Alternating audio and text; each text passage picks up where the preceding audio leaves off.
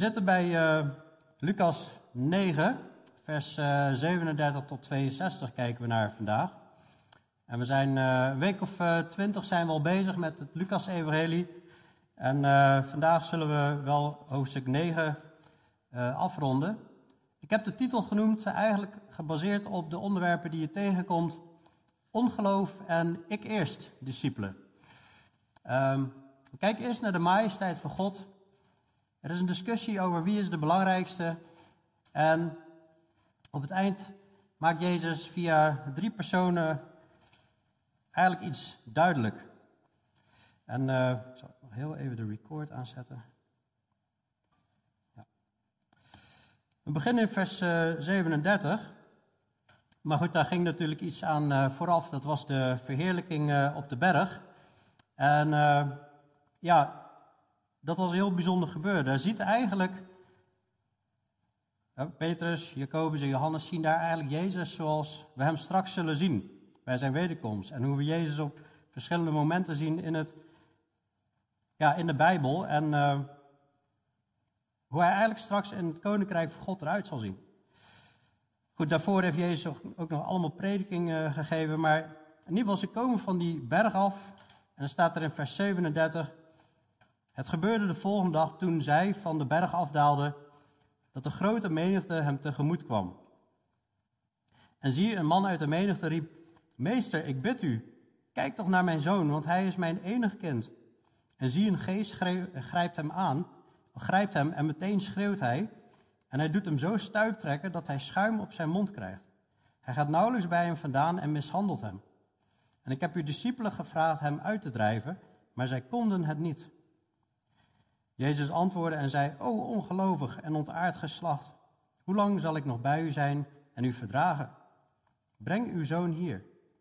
En terwijl hij naar hem toe ging, wierp de demon hem tegen de grond en deed hem stuiptrekken. Maar Jezus bestrafte de onreine geest, genas het kind en gaf het aan zijn vader terug. En zij allen stonden versteld van de grootheid van God. Toen zij zich alle verwonderden over alle dingen die hij deed, zei Jezus tegen zijn discipelen: Laat deze woorden tot uw oren doordringen, want de zoon des mensen zal overgeleverd worden in de handen van mensen. Maar ze begrepen dat woord niet en het bleef voor hen verborgen, zodat het niet tot hen doordrong. En zij vrezen hem een vraag te stellen over dat woord. Nou, we zien hier iets heel bijzonders. Een maanzieke jongen. Maan in Latijn is luna, in het Engels is het een lunatic. En iemand die uh, een vreselijke ziekte heeft. Het lijkt heel erg eigenlijk op, op een epileptische aanval, hè, als je dit zo omschreven ziet worden. Wat mij meteen ook wel eens achter de oren laat krabben van hoeveel zien wij fysiek gebeuren waar eigenlijk iets geestelijks achter zit. Maar ja, goed, soms is het ook toe te schrijven aan uh, nou, natuurlijke factoren. Maar soms lijkt het ook heel erg verweven met elkaar. En ik kan niet keihard, concluderen, iedereen met epilepsie, daar, hè, daar, daar, zit, daar zit iets van een, geest achter. Maar hier is het overduidelijk. want Jezus werpt deze geest eruit. Nou, over demonen uitdrijven, daar hebben we eigenlijk een hele uh, preek aan toegewijd. Uh, een paar uh, weken geleden, hè, toen we het hadden over de bezetene te Gadara. En, en nou, hoe zit dat met demonen en bezetenheid? En hoe, hoe komt iemand in zo'n staat? En daar hebben we het allemaal over gehad. Maar dat ging eraan vooraf. Daarna zie je eigenlijk uh, de grootheid, de majesteit van Jezus op de berg. En nu werpt Jezus een demon uit die iemand vreselijk mishandelt. En dan zie je dat de mensen, ze stonden allemaal versteld van de grootheid van God. In de Petrusbrief, daar zegt Petrus dat hij zijn dat hij de majesteit van Jezus heeft gezien. Op de berg. Hiervoor heeft Petrus de majesteit gezien. Maar hier wordt omschreven, vers 43. Zij alle stonden versteld van de grootheid. En dat kun je dus ook vertalen met majesteit. Ze stonden versteld van de majesteit van God. Of de mighty power, de kracht, de machtige kracht van God. dus hier gebeurt iets heel bijzonders. mensen zijn onder de indruk van wat hier gebeurt. Maar we zien in ieder geval een man hier uit de menigte. En die is de wanhoop is hier nabij over zijn zoon. En hij komt naar Jezus en hij zegt, ik bid u, kijk toch naar mijn zoon. En beseft eigenlijk, als Jezus alleen al hem ziet, als Jezus alleen al hem ziet, dan zal hij met innerlijke ontferming bewogen zijn. Ik vind het altijd mooi dat we verschillende schrijvers hebben over het leven van Jezus. En die geven wat ja, andere invalshoeken. In Marcus, uh, daar staat het volgende. Hij vroeg aan zijn uh, vader, van de, Jezus vroeg aan de vader van de jongen, hoe lang is het al dat dit hem overkomt? En hij zei van jongs af aan. En dus dit gebeurt al heel lang. En vaak heeft hij hem ook in het vuur en in het water geworpen om hem om te brengen. Maar als u iets kunt, wees dan met innerlijke ontferming bewogen over ons en help ons. Als u maar kijkt, als u maar gewoon de situatie bekijkt, wees met innerlijke ontferming bewogen over ons en help ons. En Jezus zei tegen hem, als u kunt geloven, alle dingen zijn mogelijk voor wie gelooft. Dus zo'n geweldige uitspraak die Jezus hier doet. Als u kunt geloven, alle dingen zijn mogelijk voor wie gelooft. Nou, we moeten dat ook weer niet uit zijn verband trekken, want ja, soms heeft God ook uh, plannen met, met uh, ziekte. En uh, nou, Paulus, hè, die had natuurlijk ook een doorn in het, het, vlees, een engel van de Satan die met vuisten sloeg. En, maar goed, God nam dat niet weg. Hij zei, mijn genade is u genoeg. En tegelijkertijd, wij mogen geloof hebben. Dat God wonderlijke dingen doet. En meteen riep de vader van het kind onder tranen, ik geloof, heren, kom mijn ongeloof te hulp. Een beetje dubbel, hij zegt, ik geloof, maar kom mijn ongeloof tegemoet. Hij, hij gelooft wel, maar hij, hij, hij, denkt waarschijnlijk bij zichzelf, maar, maar hoe, hoe, groot is dat geloof? En dat lijkt maar klein te zijn, maar kom mijn ongeloof te hulp. Ik ben maar een beperkt mens. En toen Jezus zag dat de menigte samenstroomde, bestrafte hij de onreine geest en zei tegen hem, geest die maakt dat men niet kan spreken en die doof maakt. Deze jongen bleek dus ook nog doof en stom te zijn. En hij zei, ik beveel u, ga uit hem weg en kom niet meer in hem terug. Nou, wat een kracht heeft Jezus dat hij dat zo kan zeggen en, en, en weg, hij moet vluchten. En kom niet meer terug. We hadden toen in die preek over de demonen gezien ook dat demonen uitgedreven kunnen worden. En als iemand niet opnieuw geboren wordt en dat huis is leeg, dan gaat die demon die gaat weg door, door de plaatsen. En dan komt hij terug en dan neemt hij er nog, uh, wat was het, zes of zeven anderen met zich mee. En het einde van die mens wordt erger dan het begin. Maar tegen deze zegt hij, kom niet meer in hem terug. Hij beveelt hem niet meer terug te komen. Dit is wonderlijk. Dit is geweldig. Maar wat een want een slechte meesters zijn die demonen ook, hè? Zeer gewelddadig. Satan, die komt om te stelen, om te slachten en, en verloren te laten gaan, is wat Jezus zegt. Maar Jezus zegt, ik ben gekomen om leven te geven en overvloed. Maar wat eigenlijk een, een trieste situatie. Als je kijkt naar de, de, de Torah, het, het Oude Testament, waar, waar de boeken van Mozes, waarin God zegt, ik zal dit land, zal ik zo zegenen. Als jullie allemaal in mijn weg wandelen, dan zal ik zegenen. Hè? De, ongelooflijk veel zegen zal er zijn in alles. Als jullie niet in mijn weg wandelen, dan zal er allerlei vervloekingen zullen er zijn. Tot en met krankzinnigheid. Als Israël nou gewoon in de weg van de Heer had gewandeld, hadden deze dingen niet hoeven gebeuren. Maar goed, in ieder geval, Jezus komt hier om een ommekeer te brengen. Maar er gebeurt ook nog meer, hè, want er waren negen discipelen, drie waren op de berg, maar negen discipelen waren ondertussen, negen apostelen, waren ondertussen blijkbaar bezig geweest met deze demon uit te drijven, vers 40. Ehm, ik heb uw discipelen gevraagd hem uit te drijven, maar zij konden het niet. Nou, daar vindt ook een gesprek over plaats. Toen kwamen de discipelen bij Jezus en zeiden, tegen, eh, eh, en zeiden toen zij alleen waren, waarom konden wij hem niet uitdrijven? En Jezus zei tegen hem, vanwege uw ongeloof. Want voorwaar, ik zeg u, als u een geloof had als een mosterdzaad, u zou tegen deze berg zeggen, verplaats u van hier naar daar, en hij zou gaan. En niets zou voor u onmogelijk zijn. Maar dit soort gaat niet uit dan door bidden en vasten. Nou, ik geloof niet dat Jezus hier letterlijk bedoelt, we gaan bergen verzetten. We zien dat helemaal niet in de Bijbel, dat eh, christenen bergen aan het verzetten uh, zijn. Uh, vandaag de dag ook niet. Maar in ieder geval spreekwoordelijk, alle dingen zijn mogelijk. Niets is onmogelijk. Maar goed, allemaal binnen de kaders van, hè, die God geeft, hè, ook als het gaat om lijden en dat soort dingen. Maar God staat soms uh, dingen, dingen toe, maar wat ik hieruit in ieder geval concludeer is dat de apostelen die hadden een gave gekregen. Genees zieken, wek doden op en drijf demonen uit. Nou, dat was specifiek voor die twaalf. Later zie je de zeventig. En nou, we zullen straks zien dat er nog een uitzonderlijk geval daarmee bezig is met demonen uit te drijven. Maar um, ook al hebben ze die gave gekregen, dat wil niet zeggen dat het allemaal zomaar van een leien dakje gaat. En ik denk dat de les die we hieruit kunnen leren is dat God nu ook gaven uitdeelt aan de gemeente. Je, je hebt alle, een stuk of twintig gaven worden genoemd in, de, in, het Nieuwe Testament. De gave van uh, nou, leraar of leiding geven of ontfermen over mensen of uitdelen. Uh, genezing, nou, die worden allemaal genoemd in, in het Nieuwe Testament. Maar goed, um, ondertussen zie je wel hè, dat men ook moet strijden in gebed, maar ook in vasten. En dat vind ik zelf in ieder geval ook alweer een, een bemoediging om te beseffen, ja, God kan echt krachtige dingen doen door het bidden en vasten. Het lijkt alsof er in de geestelijke wereld hele halstarrige, koppige demonen zijn die niet uh, snel willen meewerken of zo. En dat Jezus zegt, maar door bidden en vasten um, gaat hier wel bevrijding komen. Allemaal in balans, zal heel even wachten. allemaal in balans, hè, maar dat, dat, dat God geen muntjesautomaat is. Dat wij bepalen wat hij allemaal doet. Maar we mogen het hem wel vragen. We mogen hem dingen vragen die eigenlijk normaal onmogelijk zijn.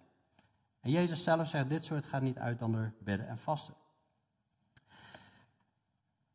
Maar wat ik ook bijzonder vind in vers 42, terwijl deze jongen naar Jezus toe ging, wierp de demon hem tegen de grond en deed hem stuiptrekken. Net op het moment dat hij naar Jezus wil gaan, komt er nog een zware aanval van de duisternis op deze jongen.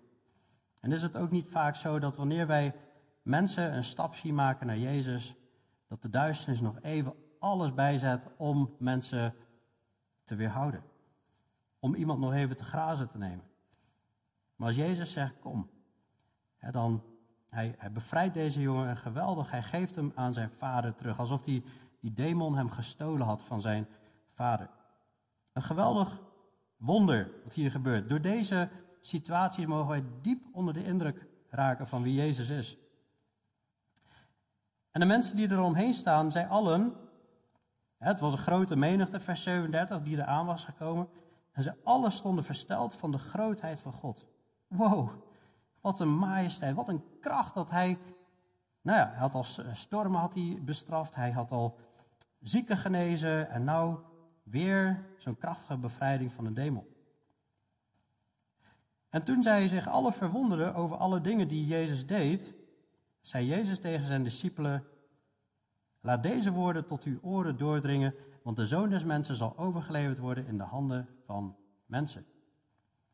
Maar ze begrepen het woord niet en het bleef voor hen verborgen, zodat het niet tot hen doordrong en zij vrezen hem een vraag te stellen over dat woord. Het is toch bijzonder dat Jezus heeft net iets spectaculairs gedaan. En de mensen zijn onder de indruk. Ze verwonderen, ze staan perplex. Ze zien zijn majesteit. Maar meteen gaat Jezus achteraan. Hij richt op zijn doel. Hij richt de mensen op het doel waarom hij kwam. Laat deze woorden tot uw oren doordringen. De zoon des mensen zal overgeleverd worden in de handen van mensen. Ik denk dat hij dit om meer redenen zegt. Allereerst van, let op, jullie verwachten misschien op spectaculaire wijze een Messias die hier nu het koninkrijk gaat vestigen en koning gaat worden over het Romeinse Rijk en al die dingen. Maar let op, er gaat nog iets gebeuren. Iets wat in Jezaja 53 omschreven staat. De zoon die moet lijden. Hij moet als een lam afgeslacht worden. En tegelijkertijd denk ik ook dat hij wil laten zien van, jullie zijn, hier, zijn jullie hier al van onder de indruk? Er gaat nog iets veel groters komen. Dit zijn nog maar de voorrondes van de grote knockout. Dit zijn nog maar kleine klappen in het rijk van de duisternis ten opzichte van wat straks gaat gebeuren aan het kruis. Straks als de zoon des mensen overgeleverd geworden in de handen van mensen, dan gaat het grootste wonder ooit gaat zich voltrekken. De zoon van God gaat sterven aan het kruis voor de zonde van de mensen en gaat daar de mensen bevrijden van de duisternis en bevrijden van het eeuwige oordeel. En als mensen in hem geloven, dan komt Hun zonde komt op Jezus en je wordt vrijgepleit. Word je schoongewassen. Dat is het allergrootste wonder waar Jezus voor kwam. En ze begrepen het woord niet. Jezus zegt, laat deze woorden tot je oren doordringen. En hoe vaak wil God niet dat woorden tot onze oren doordringen? Maar zij begrepen dat woord niet. Het bleef voor hen verborgen, zodat het niet tot hen doordrong. Jezus zegt, laat het doordringen, maar het drong niet tot hen door. En ze vrezen hem een vraag te stellen over dat woord. En dat vind ik toch wel bijzonder. Waarom durven ze hem niet te vragen? Ja, ik kan het niet navragen natuurlijk, maar dat maakt mij nieuwsgierig. Waarom vrezen zij om hem een vraag te stellen over dat woord? Maar misschien heeft het wel met het volgende te maken in vers 46. Er ontstond een meningsverschil onder hen over de vraag wie van hen de belangrijkste was. Misschien waren ze wel gewoon met hun eigen ding bezig. Jezus wordt straks koning. Moet je kijken wat een macht. Ja, dit is de Messias. Maar wat wordt onze rol straks? Wie is straks de belangrijkste? Petrus, Jacobus en Johannes, die mochten in de intimiteit bij Jezus zijn op de berg. Misschien worden zij wel de belangrijkste. Misschien worden zij wel grote regeringsleiders over het Romeinse Rijk. Wie is, wie is het belangrijkste onder? Ja, we weten niet precies wat er allemaal gaande was, maar ze waren in ieder geval met iets bezig waar de Heer eigenlijk niet blij mee is. Jezus zegt in vers 47, toen Jezus de overweging van hun hart zag, of Jezus deed het volgende, toen Jezus de overweging van hun hart zag, nam hij een klein kind en zette dat bij zich. En hij zei tegen hen, wie dit kleine kind ontvangt in mijn naam, die ontvangt mij. En wie mij ontvangt, ontvangt hem die mij gezonden heeft. Want wie de minste onder u allen is, die zal belangrijk zijn. Dus Jezus kijkt in het hart. Hij weet wat er gaande is. Wie, wie wordt het belangrijk? Word ik het belangrijkste? Maar het koninkrijk van God, daarin is alles op de kop van hoe de wereld de dingen ziet. Hij neemt een klein kind en hij zet dat in een, in een midden neer. En dan zegt hij, wie dit kleine kind ontvangt in mijn naam, die ontvangt mij. Als wij een, eh, een zaal hebben met volwassenen en kleine kinderen. En niet per se deze zaal, maar gewoon willekeurig. Een zaal met volwassenen en, en, kleine kinderen. Dan, dan, ga je, dan, denk je niet heel snel dat de kinderen de belangrijkste zijn. Je denkt eerder aan van, oh, wie, wie, heeft hier een grote status of een groot bedrijf of veel geld. Hè? Dat zijn in de wereld vaak de belangrijkste. Maar Jezus zegt, nee, kijk eens naar dit kind. Wie dit kleine kind, die is hulpbehoevend. Als je die ontvangt in mijn naam, dan ontvang je mij. En wie mij ontvangt, ontvangt hem die mij gezonden heeft. Ik wil dat jullie nederig worden en omzien naar het kleine. Naar hen die hulpbehoevend zijn. Je ziet ook, ik denk dat je dat verder mag trekken, je ziet ook in het Nieuwe Testament, Oude Testament, dat God is een, een vader van weduwen en wezen. En, en ja, mensen die niet alles hebben. Hij zegt van wie de minste onder u allen is, die zal belangrijk zijn. Wie op zo'n manier met de mensen om kan gaan die geen status hebben, die zal belangrijk zijn. Ik wil het precies andersom. Ik wil dat jullie je nederig opstellen en dan ben je de belangrijkste. En deze les, we kunnen denken, ja, die apostelen, jongen, die hebben echt heel veel te leren. Hè? Die zijn nog een beetje dom in het, in het, het wandelen met de Heer. Maar die, oproepen staan natuurlijk net zo goed, zijn die er ook voor ons. dat het, het draait niet alleen om ons. Filippenzen 2 staat, als er enige bemoediging is in Christus, als er enige troost is van de liefde, als er enige gemeenschap is van de geest, als er enige innerlijke gevoelens en ontfermingen zijn, maak dan mijn blijdschap volkomen doordat u eensgezind bent dezelfde liefde hebt, één van ziel bent en één van gevoel. Doe niets uit eigen belang of eigendunk, maar laat in nederigheid de een de ander voortreffelijker achter dan zichzelf. We moeten naar elkaar ook kijken van niet, niet met je eigen belang bezig zijn, maar kijk ook wat goed is voor de ander. Laat in nederigheid de een de ander voortreffelijker achter dan zichzelf. Denk niet van, oh, ik ben de meest voortreffelijke. Laat in nederigheid de een de ander voortreffelijk achter zichzelf. Laat een ieder niet alleen oog hebben voor wat van hemzelf is, maar laat een ieder ook oog hebben voor wat van ander is. Laat daarom die gezindheid in u zijn die ook in Christus Jezus was. Nou, en dan gaat hij helemaal uitleggen over hoe Jezus eigenlijk alles heeft achtergelaten. Zijn rijkdom heeft achtergelaten. Als een slaaf naar de aarde kwam om de mensen te dienen. En zo, zo'n gezindheid moet ook in ons zijn. Jezus kwam niet om een statuscultuur te bewerken. Hij kwam om mensen nederigheid te leren. Leer van mij dat ik zachtmoedig ben en nederig van hart en je zult rust vinden voor je ziel. Dus een houding van, oh, ik jongen, ik ben zo goed en, nou, noem maar op, waar kun je goed in zijn? Of ik heb status, ik heb, ik heb mooiere kleren dan andere mensen, of ik heb betere gaven, ik ben langer christen, of ik heb pas echt heel veel verstand van, nou, noem maar op. Of ik, ben, ik, ik, ik denk toch wel dat ik meer geliefd ben dan, door God. Allemaal gedachten die eigenlijk hoogmoed, te, uh, de, hoogmoed ligt hier eigenlijk aan ten, eh, ten grondslag. Of ik leef heiliger dan de ander. Of ik heb de beste kerkformule. Maar Jezus was heel duidelijk.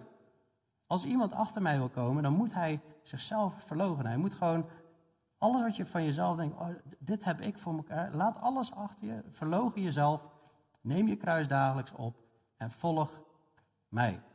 En dan moet je Jezus volgen. Wat niet makkelijk is, hè? je kruis dagelijks opnemen. En ik vind dan het antwoord van Johannes in vers 49, je, verwacht dan van, nou, Jezus, of Johannes antwoordde en zei, meester, wij hebben iemand gezien die in uw naam demonen uitdreef en wij hebben het hem verboden, omdat hij u niet samen met ons volgt. Denk je, waar, waar begint hij nou weer over?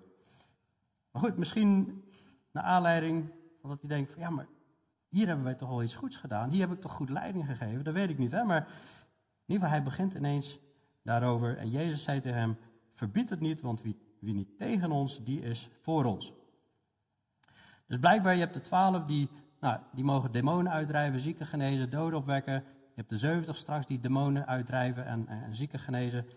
Ehm, maar goed, dit bevestigt voor mij in ieder geval ook van, het, hier zie een uitzondering, dus het is ook niet dat de massa allemaal dat aan doen was, maar er is hier toch een uitzondering voor iemand die daarmee bezig is. En Jezus zegt, verbied het niet, want wie niet tegen ons is, die is voor ons. En uh, zo mogen wij ook wereldwijd in ieder geval zien dat er andere christenen zijn. Die zijn ook voor de Heer. En die doen ook een prachtig werk. Verbied het niet, want wie niet tegen ons is, die is voor ons. En tegelijkertijd moeten we dat ook niet uit zijn verband drukken. Dit wordt ook wel eens gebruikt om zomaar elke valse leer goed te praten, deze tekst. En dat is volgens mij helemaal niet het punt wat Jezus hier maakt. Want Jezus zegt ook heel duidelijk dat er valse apostelen op zullen staan. In Matthäus 7 zegt hij ook van, er zullen mensen komen die zeggen, Heere, Heere, hebben wij niet in uw naam onder andere demonen uitgedreven? En hij zal zeggen, ik heb u nooit gekend. Dus er zijn ook mensen die dat doen, ehm, die wel degelijk tegen de Heere zijn. Maar goed, het gaat verder. Het geschiedde toen de dagen van zijn opneming vervuld werden, dat hij zijn aangezicht naar Jeruzalem keerde om daarheen te reizen. En hij stuurde boden voor zijn aangezicht uit, boodschappers voor zijn aangezicht uit. En op hun reis kwamen zij in een dorp van de Samaritanen. De Samaritanen, dat zijn halfjoden. Jezus heeft eigenlijk zijn bediening steeds in, het noorden gehad, in Galilea. Hij is nu op doorreis door Samaria, in het midden, onderweg naar Jeruzalem. En Samaritanen, dat waren halfjoden. En, en Samaritanen en Joden, dat, was, dat clashte. Die hadden geen omgang met elkaar. Maar op een reis kwamen ze in een dorp van de Samaritanen om voor hem voorbereiding te treffen. Maar zij ontvingen hem niet, omdat hij op reis was naar Jeruzalem, waarheen zijn aangezicht gericht was. Wat we hier eigenlijk zien is een soort keerpunt in de bediening van Jezus.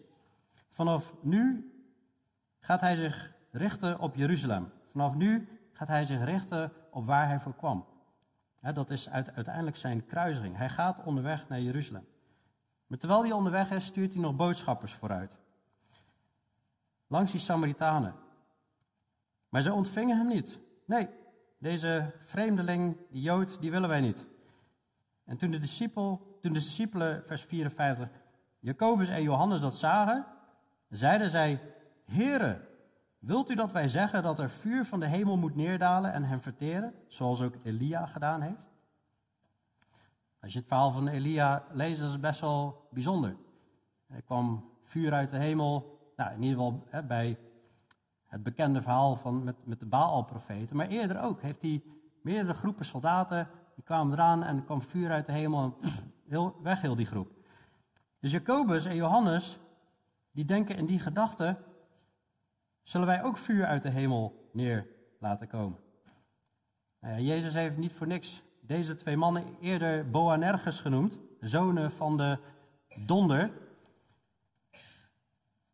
Maar Jezus wil duidelijk maken, ja, jullie willen vuur uit de hemel, maar dit is helemaal niet, helemaal absoluut niet. Weer moet hij hun, hun denken resetten. Dit is helemaal niet waar ik voor kom. op een dag gaat hij al oordelen. We hebben eerder ook steden gezien die niet geloofden en dan zegt Jezus, het zal op de dag des oordeels voor Sodom en Gomorra verdraaglijker zijn dan voor deze steden. dus er komt wel een keer een moment maar dit vind ik zo mooi, het volgende wat Jezus zegt. zegt vers 55. Hij keerde zich om, bestrafte hen, zijn eigen discipelen, en hij zei, u beseft niet wat voor geest u hebt.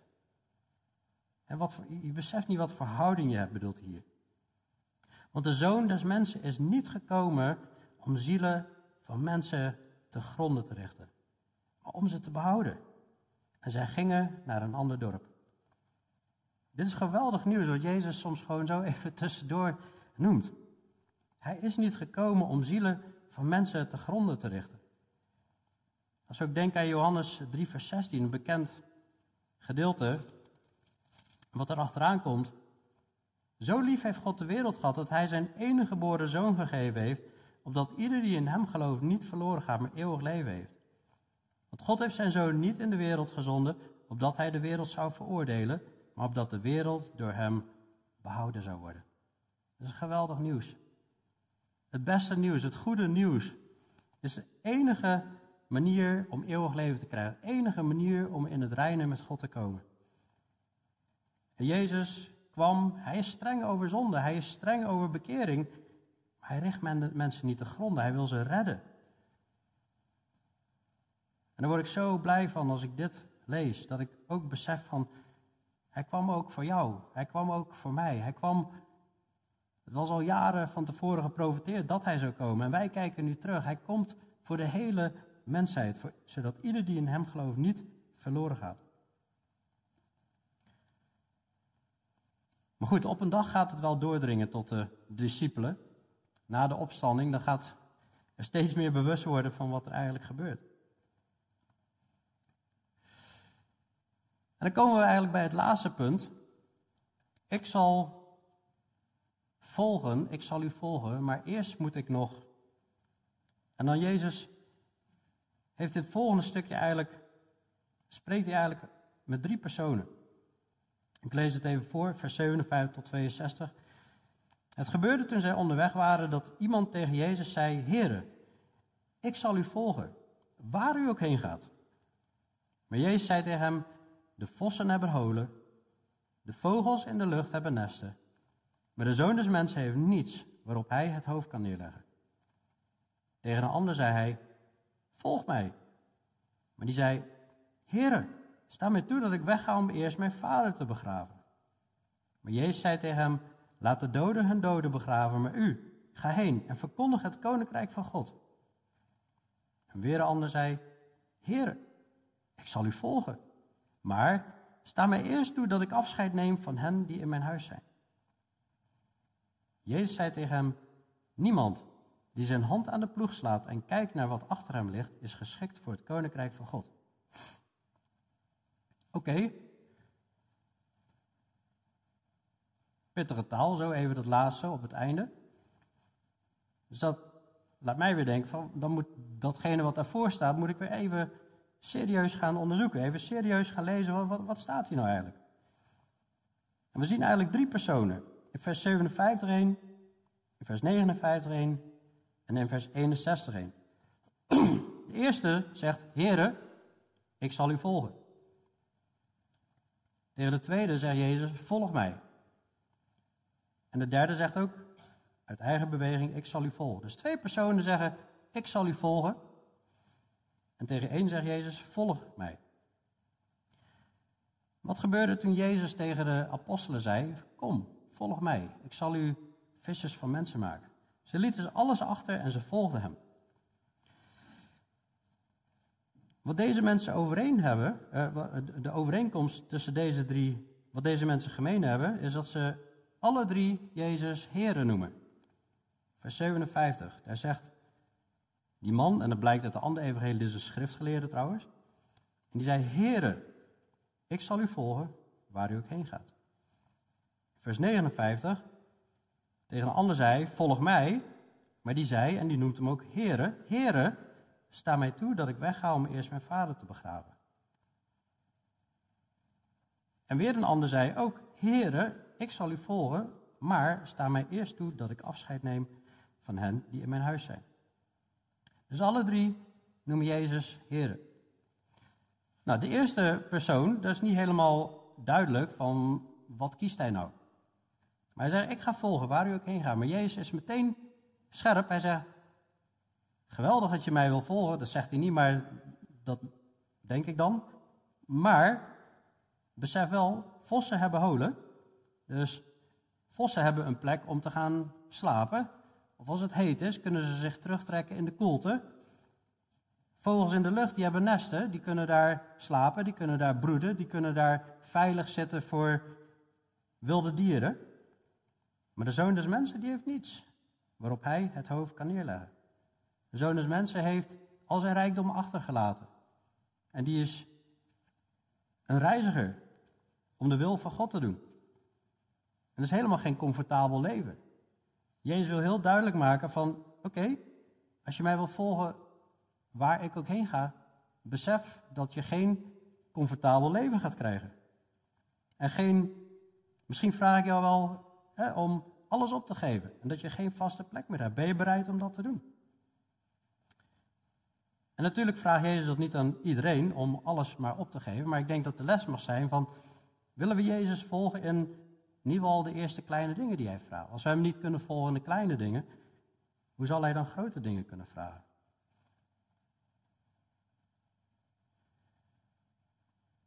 Ik denk de les uit de tweede is, tegen een ander zei, volg mij, maar die zei, Heere, sta mij toe dat ik wegga om eerst mijn vader te begraven. Maar Jezus zei tegen hem, laat de doden hun doden begraven, maar u ga heen en verkondig het koninkrijk van God. Ergens is het best wel een lastige tekst, hè? want ik bedoel, je ouders eerder, dat staat natuurlijk ook in de Bijbel. Dus spreekt Jezus zichzelf hier nou tegen of hoe, hoe zit dat nou? Nou, ik denk niet dat hij zichzelf tegenspreekt. Maar ik denk dat hij duidelijk maakt van wat allerhoogste prioriteit moet hebben. je ziet bij de tweede persoon die zegt: Ik, moet, ik wil u wel volgen, maar eerst wil ik nog dit. En, en, de derde persoon zegt ook: Ik wil u ook volgen, maar eerst ik nog dit. En, en Jezus noemt twee voorbeelden van hele belangrijke dingen. Ik bedoel, je familie, je vader. Dat is toch redelijk dat ik die begraaf. De vraag is even, is deze man al gestorven of is hij stervende? Er zijn best wel wat bijbeluitleggers die denken dat deze man gewoon op het ziektebed ligt en ze wachten tot hij gaat sterven. Ehm, dat kan allebei. Maar het punt wat Jezus volgens mij wil maken, dat van als ik roep om te volgen, dan kan er eigenlijk niks belangrijker zijn dan de wil van God te doen.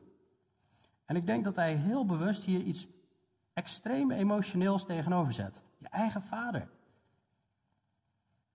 Hoe emotioneel is dit? Hoe sterk verbonden? Ja, oké, sommigen hebben niet een goede relatie met, met, met de vader. Eh, ik wel. In ieder geval in mijn optiek heb ik een goede relatie met mijn vader. hij begint te lachen. Dat is een goed teken. maar in ieder geval, ja.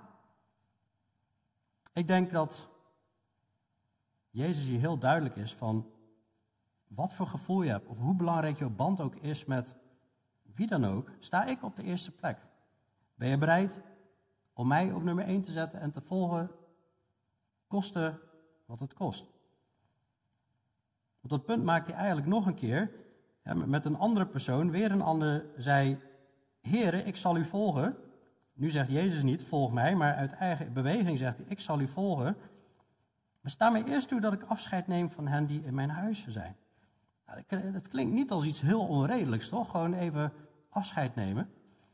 Maar ja, ik zat dan te denken, ja, maar ja, wat, wat, wat als een deel van de familie die is nog op vakantie en iemand is vrachtwagenchauffeur, die komt pas over twee maanden terug. En nou, ik denk het, dat, het is allemaal eigen invulling hè, voor mij, dat snap ik ook wel. Maar ik, ik denk heel duidelijk dat het punt wat Jezus hier wil maken is, kom niet steeds met excuses van, oh, is het wel comfortabel genoeg? Of ik, ik moet eigenlijk eerst nog dit. Ik moet eigenlijk eerst nog dat. Voordat ik Jezus ten volle kan volgen. Totdat ik echt helemaal achter hem aan kan gaan. En ik denk dat dat vaak een probleem is met heel veel christenen. Dat ze achterom kijken. Want dat is wat Jezus duidelijk maakt in vers 62. Jezus zei tegen hem: Niemand die zijn hand aan de ploeg slaat en kijkt naar wat achter hem ligt, is geschikt voor het koninkrijk van God. Nou, iemand die aan het ploegen was, die moest goed vooruitkijken dat hij goed in de banen bleef, zeg maar. Maar als je gaat ploegen en je zit de hele tijd achterom te kijken, ja, dan ga je helemaal scheef, ga je alle kanten op. Dat zijn termen die ze in, in de landbouw begrijpen, maar wij moeten dat even toelichten natuurlijk, omdat we geen landbouwers zijn en vooral niet met die oude apparatuur. Maar dan zegt Jezus zei, niemand die zijn hand aan de ploeg slaat en kijkt naar wat achter hem ligt, is geschikt voor het koninkrijk van God. Dat zijn best wel scherpe woorden. En terwijl Jezus natuurlijk op andere plekken, en de Bijbel, het Nieuwe Testament op andere plekken heel duidelijk is dat we worden niet gered op basis van werken, maar op basis van het geloof. Geloof zonder de werk is natuurlijk ook dood. Als wij zeggen, we willen Jezus volgen, ik ben heel de tijd bezig met, ja maar, ja, maar, ja, maar, ik was met dit bezig en dat is belangrijk. En we zijn heel de tijd achterom aan het kijken. Niet mijn woorden, Jezus woorden. Dan ben je niet geschikt voor het koninkrijk van God. Volgens mij wil hij gewoon zeggen, als je mij wil volgen, laat alles los. Laat alles los. Vertrouw op mij. En niet iedereen gaat natuurlijk, nogmaals, fulltime de bedieningen, maar het allereerste wat Jezus aan je vraagt, wat je leest in de Bijbel, wees daar gehoorzaam in. Dat is al hem volgen. Ik heb een aantal confronterende vragen. Weet jij nog hoe lang je te leven hebt? Wat als Jezus terugkomt? Weet jij wanneer Jezus terugkomt? Wil jij schatten verzamelen in de hemel of op aarde? Ons leven is hier zo ontzettend kort. En wat we hier doen, dat bepaalt de eeuwigheid. Als we Jezus niet geloven, gaan we verloren. Als we Jezus wel geloven, krijgen we eeuwig leven. Krijgen we eeuwig leven bij de Heer. Maar wat we nadat we tot geloof zijn gekomen doen, is ook bepalend voor wat we verzamelen in de hemel. De schatten verzamelen in de hemel. Maar de allerbelangrijkste vraag is: wil je God behagen? En ben je bereid alles op te offeren? Volgens mij is dat de boodschap. Ben je bereid alles op te offeren? Ja, maar mijn familie. Ja, maar dit ook. Maar mijn comfort. En er was nog zo'n man, zo'n rijke jonge man, die op een gegeven moment echt dacht dat hij God heel goed volgde. Maar Jezus keek in zijn hart en zei: Ja, maar je, je hebt niet alles opgegeven. Ga heen die rijke jonge man, verkoop alles wat je hebt. En dan kun je mij volgen. Dat kon hij niet. Hij kon dat niet. Hij keek achterom. Hij is niet geschikt voor het koninkrijk van God. Wil je God behagen in alles? En dit is zo'n krachtige tekst. Ik ben met Christus gekruisigd, zegt Paulus. En Paulus leefde niet meer voor zichzelf. Hij zegt niet meer ik leef, maar Christus leeft in mij. En voor zover ik nu in het vlees leef, leef ik door het geloof in de Zoon van God, die mij heeft liefgehad en zichzelf voor mij heeft overgegeven. Je moet opnieuw geboren worden om het koninkrijk van God te kunnen zien. Je moet een nieuwe schepping worden in Christus. En vanaf dat moment leeft Christus in jou. De Heilige Geest leeft jou, de geest van Christus. En dan leef jij niet meer. En de woorden die Gods woord predikt, die gaat erom om de nieuwe mens te voeden. Zodat die gaat wandelen in glorie tot glorie en heerlijkheid van God. En die oude mens, die negeren we en die moet afsterven. Die moeten we continu voor dood houden. En dat is ons vlees, maar dat vlees vindt dat allemaal niet fijn om te horen, om alles, niet op, te om alles op te geven.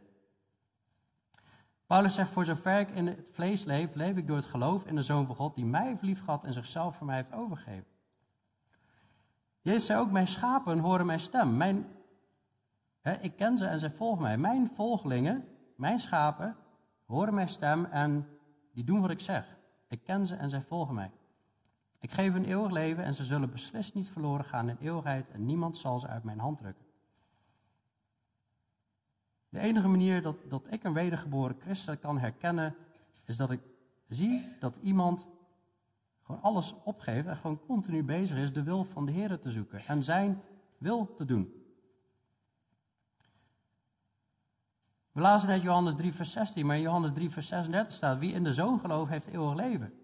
Maar wie de zoon ongehoorzaam is, zal het leven niet zien, maar de toorn van God blijft op hem. Nou, dat is best wel serieuze taal. En volgens mij is hier ook de boodschap van dat langzaam gehoorzaam is ongehoorzaam. Dat is een wijs man waar ik dat ooit van geleerd heb. ik zie iemand knikken. Langzaam gehoorzaam is ongehoorzaam. Oh, hoe vaak heb ik dat wel niet gehoord? Ja, dat moet ik toch even zeggen. het was mijn vader die dat zei. Maar dat is het leuke, hè? Als je mag spreken, je vader zit in de zaal. Dan kun je allemaal anekdotes aan Maar je staat wel iets serieus. Paulus zegt, ik weet u niet dat uw lichaam een tempel is van de Heilige Geest die in u is en die u van God hebt ontvangen, dat u niet van uzelf bent. U bent immers duur gekocht. Verheerlijk daarom God in uw lichaam en in uw geest die van God zijn. Waar het hier om gaat, wat Jezus steeds aan het prediken is, is verheerlijk God. Het gaat niet meer om jou, het gaat om God verheerlijken. Wij prediken hier niet om de vleeselijke mens tevreden te stellen, maar de geestelijke mens te laten groeien tot glorie en heerlijkheid van God. Verheerlijk God in uw lichaam en in uw geest. Want we zijn duur gekocht, dat mag ook de motivatie zijn. We zijn duur gekocht.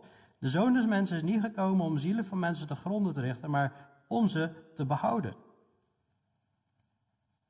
Dus Jezus gaf alles aan ons en vraagt eigenlijk ook aan ons om alles aan Hem te geven. En wat een rijkdom, wat een rust, wat een vrede. Als, je, als je die stap neemt, de Heilige Geest die zal tot bloei komen. Doen we het niet, dan blussen we de Geest uit. Dan bedroeven we de Heilige Geest. Laat uw licht zo schijnen voor de mensen, dat zij uw goede werken zien en uw Vader die in de hemel is, verheerlijken. ik vind zo'n mooi voorbeeld in de Bijbel, is Ezra. Dat is echt, echt een, een van mijn grote favorieten. Want je ziet bij Ezra dat de goede hand van zijn God was over hem. Ezra had namelijk zijn hart erop gericht om de wet van de Heer te onderzoeken. Hij luisterde echt naar wat God zei in zijn woord. Maar hij deed het ook om die te doen en om in Israël de verordeningen en bepalingen te onderwijzen. En wij zijn opgeroepen allemaal om de wereld te leren onderhouden alles wat Jezus geboden heeft. En er rust een zegen op. De goede hand van zijn God was over hem. Wat niet wil zeggen dat alles van leien dakje gaat. Maar als we deze dingen lezen, dan denk ik dat het is makkelijk om naar de apostelen te kijken. Denk ik, jongen, jongen, wat een hoogmoed. Maar als wij tegen God ingaan, als wij Hem niet op, eerste plaats, uh, op, de, op de eerste plaats stellen, als wij Hem niet direct volgen, wat stellen we dan op nummer 1 in ons leven? Ik geloof dat dat de oproep is van de Heer Jezus. Volg mij ten volle. Geef alles aan mij over. En wil ook overgaan in gebed. En, en tijdens dat gebed wil ik ook gewoon even een moment geven van, van, van stilte. Dat we ook gewoon eerst God vragen om ons hart te onderzoeken. En dat vervolgens we ook even gewoon tijd nemen om gewoon naar binnen te kijken en te zeggen. Of met de Heer in, in gesprek te gaan en te vragen: zijn er nog gebieden in mijn leven waar ik u niet ten volle vol, waar ik u niet ten volle behaag? Zodat dit een dag mag zijn waarin God groot gemaakt wordt, waarin God verheerlijk wordt als wij weer stappen nemen om Hem te behagen. Hemels Vader, Heer Jezus, Heer, we danken u voor uw woord, we danken u voor de scherpte. En dat u, Heer Jezus, echt oproept om, wanneer u oproept om te volgen, om niet traag te zijn in het horen, niet achterom te kijken. Maar in vertrouwen te kijken naar, naar de toekomst. Naar u die komen gaat. Naar het nieuwe Jeruzalem, de hemelse stad. Naar die plek straks waar geen tranen meer zijn, geen moeite meer is. Waar we schatten mogen verzamelen in de hemel. Heer, wilt u, alstublieft, u, u zegt waar twee of drie samen zijn, daar bent u in het midden. U bent hier aanwezig. Wilt u onze harten doorzoeken? Heer, als er een schadelijke weg is, Heer, dat we daarvan mogen bekeren. Zoals u ook eigenlijk bij zeven kerken in Openbaring 2 en 3, bij vijf kerken zegt dat mensen zich moeten bekeren. Heer, wilt u zo onze harten doorzoeken door uw Heilige Geest?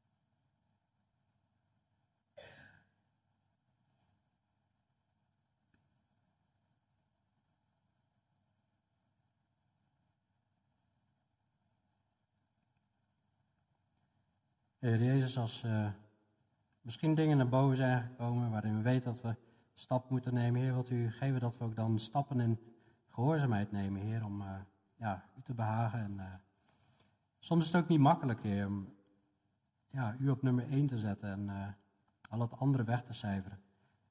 Daarom wil ik ook vragen, Heer, wilt u ons ook de kracht geven, Heer, en daarin ook de blijdschap en de vrede en de rust.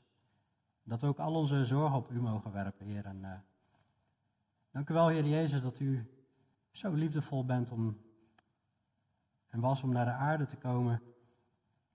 Niet om ons te gronden te richten, maar om ons te behouden. Dank u wel dat u uw liefde laat zien, dat u zo jongen bevrijdt, Heer, terwijl demonen hem kapot proberen te maken.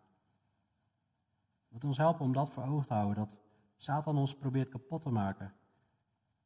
En alles probeert kapot te maken, maar dat u de goede herder bent.